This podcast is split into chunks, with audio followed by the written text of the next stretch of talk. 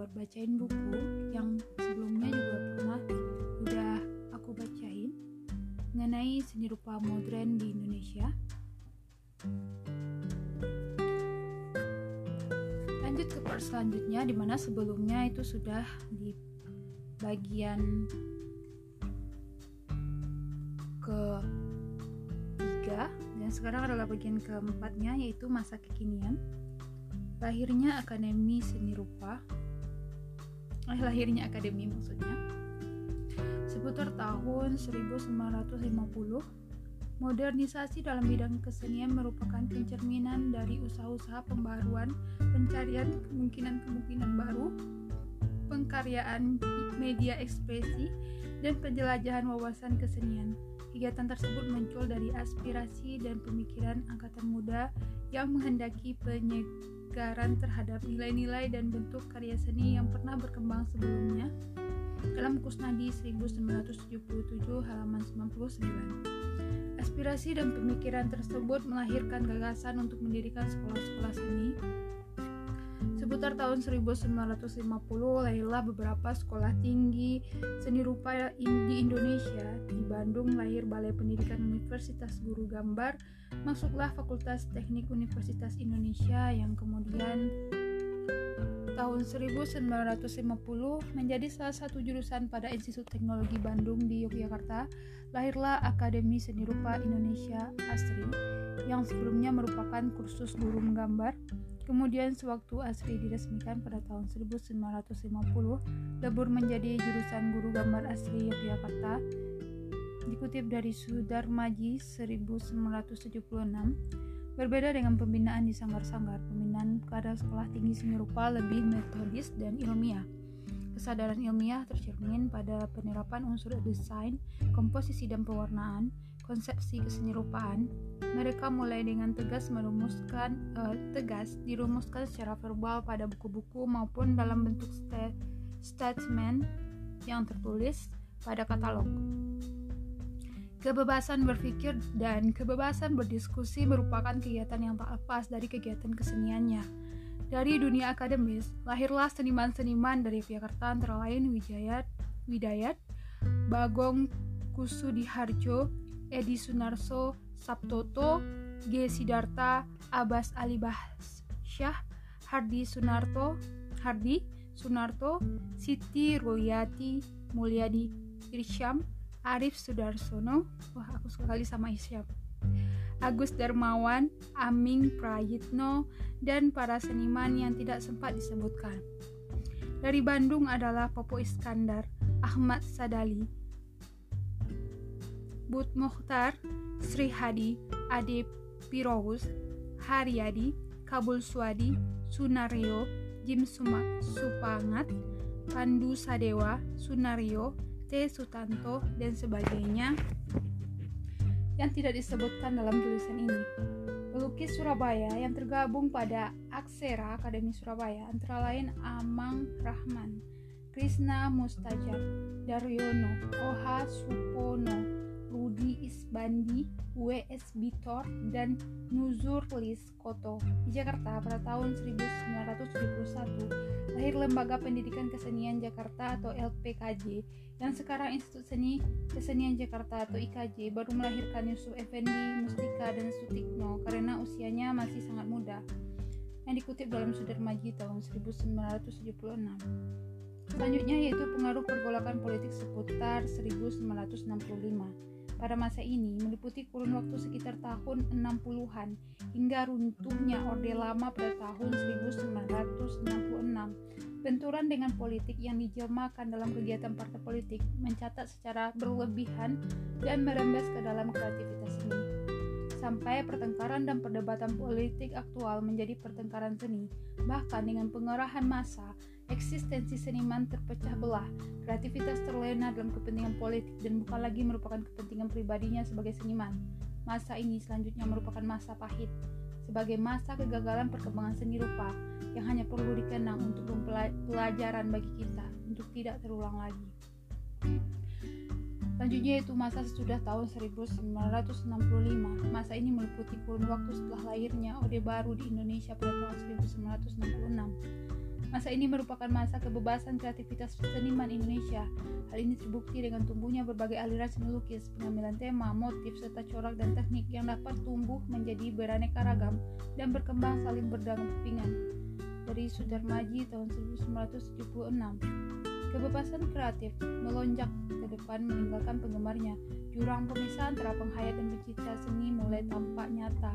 Gelombang perkembangan seni rupa Indonesia memasuki daerah pijak baru pada tahun 1974 sampai 1977 yang dianggap sebagai gerak perubahan manifestasi, bukan saja secara fisik tetapi juga konseptual secara besar-besaran. Jika dulu, S. Sujojono dan Agus Jaya tahun 1938 memandangkan bahwa seni lukis harus dikembalikan sebagai medium ekspresi secara tuntas dari seorang pencipta, dan hasil seni adalah jiwa yang tampak. Sekarang jauh lebih kompleks. Tokoh-tokoh muda dengan tidak meninggalkan jiwa tampak yang secara implisit sudah berada dalam sebuah karya cipta dan mendobrak ketertutupan karya seni egoisme, elitisme, dan mitos tentang seni mulai ditentangkan dan berpaling pada masyarakatnya. Agus Termawante dalam Jim Sumpakat tahun 1979 halaman 1. Selanjutnya ada dua masa yang perlu dicatat dalam kurun waktu terakhir ini yaitu gerakan seni rupa baru di mana pada masa ini kebebasan kreatif mengalami puncak idealisme. Seniman-seniman muda merasa dituntut oleh pertumbuhan zaman dan gelombang situasi. Masa yang kedua adalah masa globalisasi seni lukis, yaitu pada saat para seniman dihadapkan pada satu kenyataan ekonomi dunia, atau dengan kata lain seniman adalah milik konglomerat. Masa ini sering disebut dengan bom seni lukis Indonesia.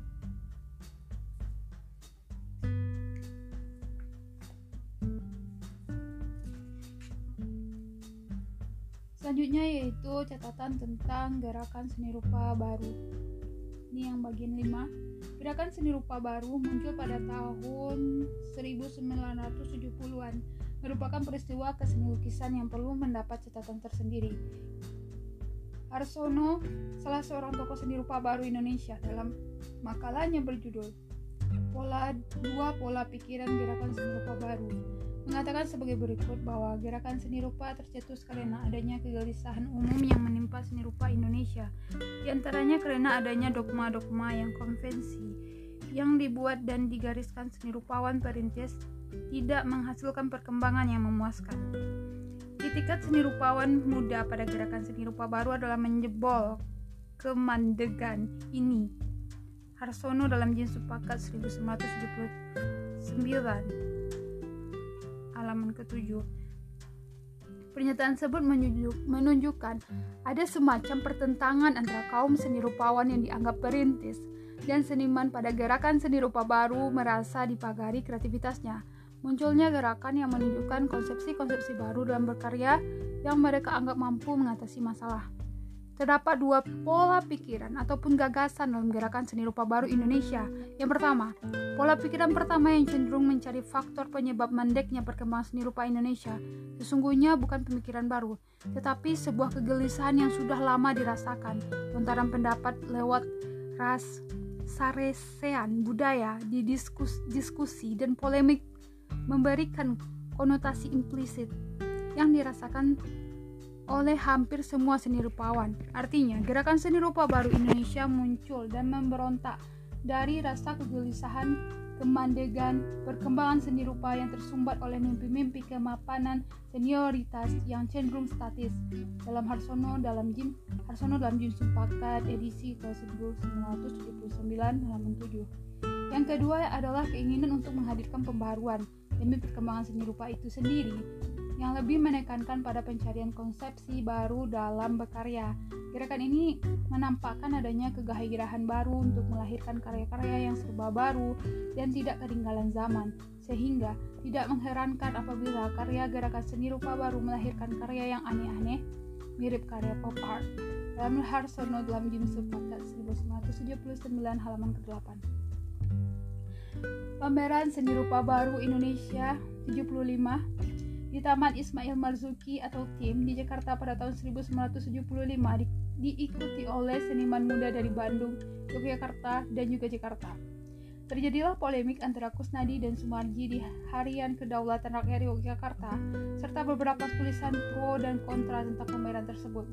Cuplikan pertanyaan Kusnadi hasil wawancara Supomo PR dalam Harian Kedaulatan Rakyat adalah sebagai berikut. Tidak mengesankan pameran seni yang merupakan ya seni rupa yang serius dan dewasa karena lebih ber dan bertendens atau dramatis dan overacting bergetar keluar dari dunia seni rupa yang mengendal. Arti baru bagi mereka hanyalah demikian landasannya dan bukan berarti baru dalam konteks perkembangan seni rupa yang kreatif Indonesia. Seni rupa kreatif Indonesia yang ada. Sepakat edisi 1929 di halaman 22. Selanjutnya dinyatakan, mereka sebenarnya adalah bagian kecil saja dari didikan yang belum selesai dari lembaga pendidikan seni rupa yang ada sekarang tapi yang telah merasa dewasa untuk keluar dari segala pendidikan seni rupa dengan segala ketidakpuasannya oleh Jim Supangkat edisi 1972 pada halaman 22. Sanggahan atas tulisan Supomo PR dari hasil wawancara Kusnadi dalam Kedaulatan Rakyat oleh Sumar Sudarmaji bahwa pendapat Kunas, Kusnadi bertolak dari landasan yang, berbe yang beberapa yang berbeda dengan pemikiran kaum muda dinyatakan oleh Sudarmaji dalam artikelnya yang memuat pada Harian Kedaulatan Rakyat sebagai berikut. Rupa-rupanya jiwa muda bergejolak yang menjelajah, yang inginkan hal baru dan inovatif dikatakan tidak serius dan tidak dewasa, dramatis dan overacting. Ia lupa sejarah bahwa setiap kaum pemburu baik di Eropa masa impres impresionisme, Fauvisme, Dadaisme, dan sebagainya selalu dikatakan kurang lebih sebagai barbar, tidak tahu seni atau vandalistis. Sumarji dalam Jun Sepakat edisi 1979 di halaman 23 Polemik antara Kusnadi dan Sumaji yang terpenting bukan apa kesimpulan masing-masing pendapat. Namun perlu dicatat bahwa gerakan seni rupa baru pernah hadir di tengah masyarakat sebagai suatu alternatif. Gerakan seni rupa baru lahir dari kaum muda yang jenuh dengan kemapanan yang mereka buktikan lewat karya-karya mereka pada pameran-pameran.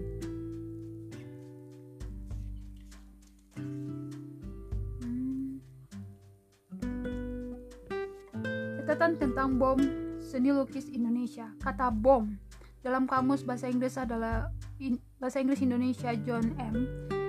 Ecolas dan Hasan Sadili, Cornell University Press dan Gramedia tahun 1981 di Indonesia kannya dengan sangat kaku. Adapun dalam The Advanced Learners Dictionary of Current English Oxford University Press tahun 1963 diterangkan sebagai kenaikan mendadak kegiatan dagang terutama ketika kekayaan cepat didapat.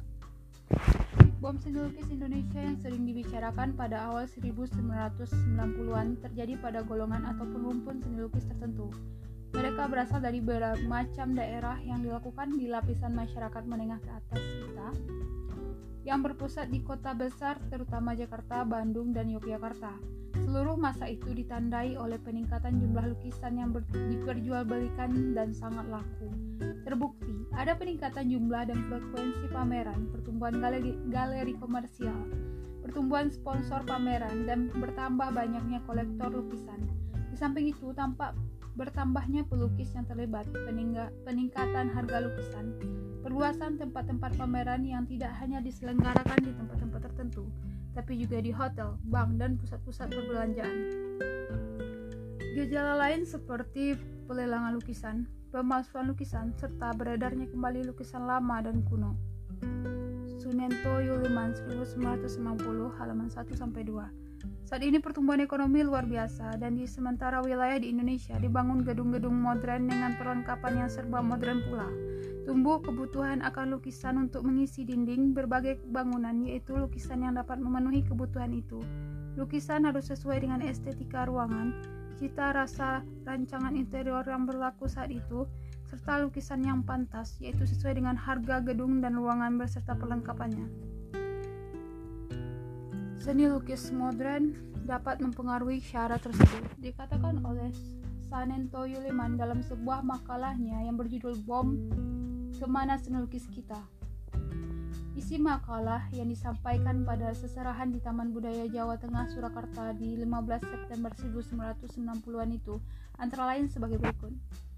Jaihan Sukmantoro di Bandung termasuk pelukis pertama yang mencium strategi para karya-karya. Para karya-karya, karya para kaya raya. Lama sebelum orang heboh tentang bom, ia tertawa-tawa di kampungnya di Cicadas menceritakan bahwa kalau ia untuk lukisannya memasang harga lebih tinggi dari umumnya. Lukisannya dibeli orang, kalau ia memasang harga rendah malah tak laku. Terheran-heran, tapi ia pun senang. Sunento Yuliman 1950 halaman 3. Keterangan di atas, akibatnya sejumlah pedagang dan pengusaha melihat lahan baru dan berlomba membuka galeri baru, melihat harga lukisan melambung tinggi dari waktu ke waktu, Mengoleksi lukisan adalah alternatif baru dalam investasi. Catatan yang perlu disampaikan bahwa pada masa ini terdapat unsur pendukung kecuali pelukis, yang merupakan unsur baru yang muncul dan tumbuh bersama bom. Mereka muncul karena bom dan begitu berada di medan menjadi faktor aktif dalam bom. Catatan lain yaitu gejala yang timbul pada masa bom seni lukis Indonesia. Gejala pertama yaitu gejala kemiskinan seni lukis pemiskinan dalam ragam atau macam medium dan teknik yang semakin menyusut.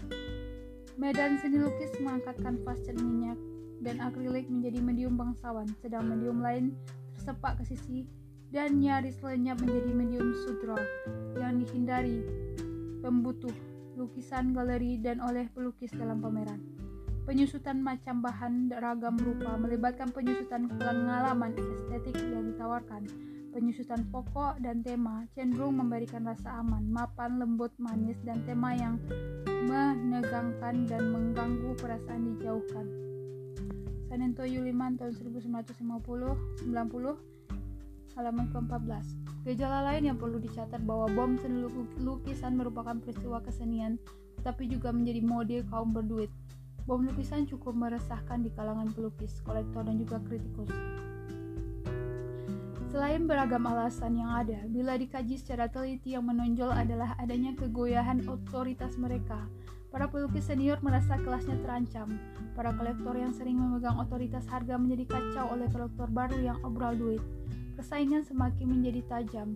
Pola ukur nilai kesenian terabaikan dan terlewati begitu saja. HB Sutopo 1990 halaman 3 akibat bom seni lukis yang sangat terasa perkembangan kesenian seni rupa khususnya seni lukis mengalami krisis estetika.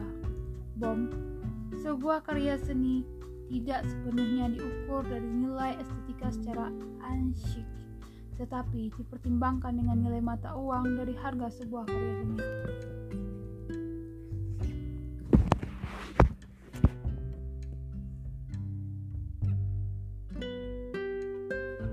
Selanjutnya masuk ke bab 5, seni modern, sentuhan tradisi. Seni lukis alternatif, penciptaan karya seni dengan estetika sanggit. Perjalanan lukis kita sejak peristiwa era Raden Saleh sampai dengan awal abad ke-16 ini.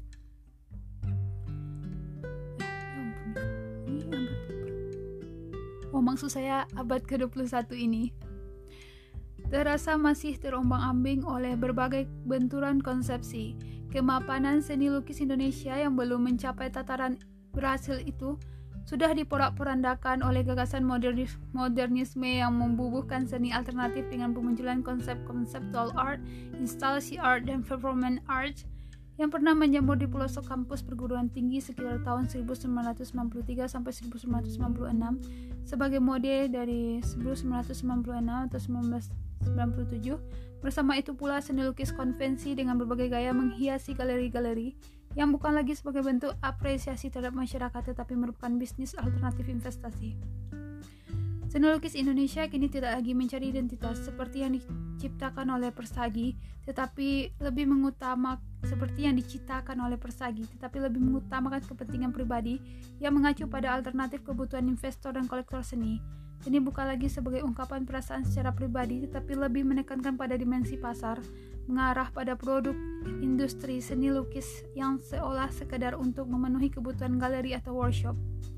Seniman yang mestinya mempunyai kewajiban sebagai bentuk gaya dalam penciptaan karya seni yang mencerminkan jati diri Indonesia, citra budaya dan corak kepribadian bangsa dalam Kusnadi 1977 halaman ke-146.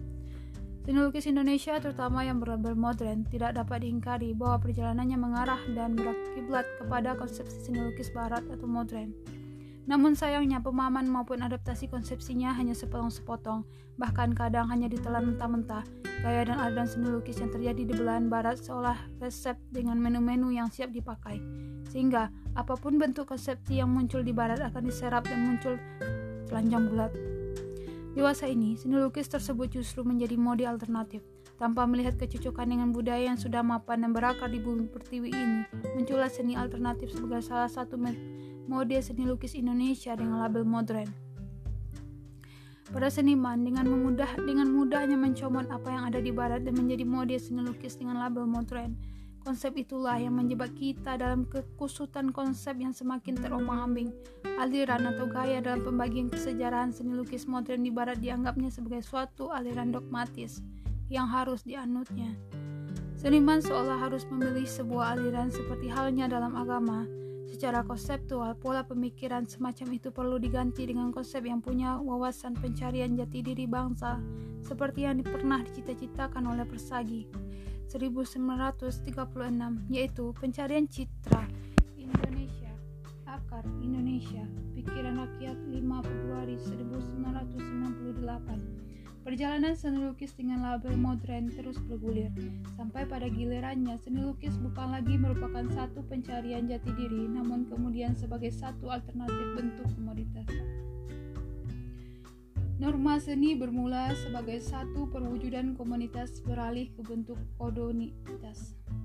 Bahkan pada sampai pada titik puncak tertentu, seni merupakan bentuk investasi, maka muncullah bom lukis Indonesia Seni berpindah dari monumentalitas kebutuhan spiritual beralih ke, de, ke dalam dunia investasi. Oke, okay, untuk hari ini kita sampaikan di sini. Jadi sini kita membahas mengenai bom seni lukis Indonesia yang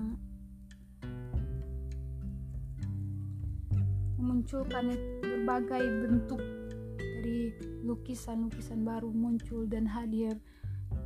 Uh, di mana terkadang di saat seperti ini orang lebih ke arah komersil atau penjualan. Ya tak dipungkiri bahwasanya kita sebagai manusia kita membutuhkan pemasukan ya apalagi sebagai makhluk sosial dan sebagai um, individu yang banyak kebutuhannya seperti itu. Tapi sangat disayangkan apabila peniruannya uh, konsep-konsep ataupun metode-metode yang dipakai dengan kiblat barat malah ditiru secara bulat-bulat dan mentah-mentah sehingga hilangnya jati diri sehingga pelukis-pelukis itu tidak lagi mengangkat apa yang ada di sekitarnya atau melihat keadaannya tapi lebih mengarah ke pada konsep-konsep maupun ide-ide yang lahir di, dari luar. Harusnya dia bisa menemukan sesuatu yang berasal dari sekitarnya berasal dari um, jati dirinya sendiri sehingga bisa memunculkan kesenian-kesenian ataupun lukisan-lukisan yang lahir dari jati diri bangsanya sendiri. Untuk mengungkapkan perasaannya bukan untuk tujuan komersial. Jadi sehingga lukisannya itu bisa nampak bisa menggambarkan jati dirinya sendiri. Ya kalau aku sih menangkapnya dari bahasan mengenai buku ini yang kali ini adalah itu ya. Gimana kita bisa menampilkan jati diri kita sebagai warga ataupun um, ya kita sebutlah sebagai bagian dari bangsa Indonesia walaupun kita menganut seni rupa modern yang berkiblatkan ke barat ya. Tetapi bagaimana kita bisa membentuk suatu karya seni yang lahir karena dorongan estetis dari pengalaman pengalamannya kita sebagai masyarakat um, yang berada di suatu kawasan dan negeri yang beragam seperti ini dan kita bisa mengungkapkan baik itu dalam keseharian keresahan kritikan kepuasan rasa senang dan apa pun itu di dalam lukisan sebebas-bebasnya. Namun ciri khas kitanya itu dapat. Jadi tidak tok meniru seperti halnya yang dilakukan oleh bangsa luar tapi bagaimana mencari identitas tersendiri corak tersendiri dan keunikan-keunikan yang membedakan kita dari karya-karya yang telah ada sebelumnya.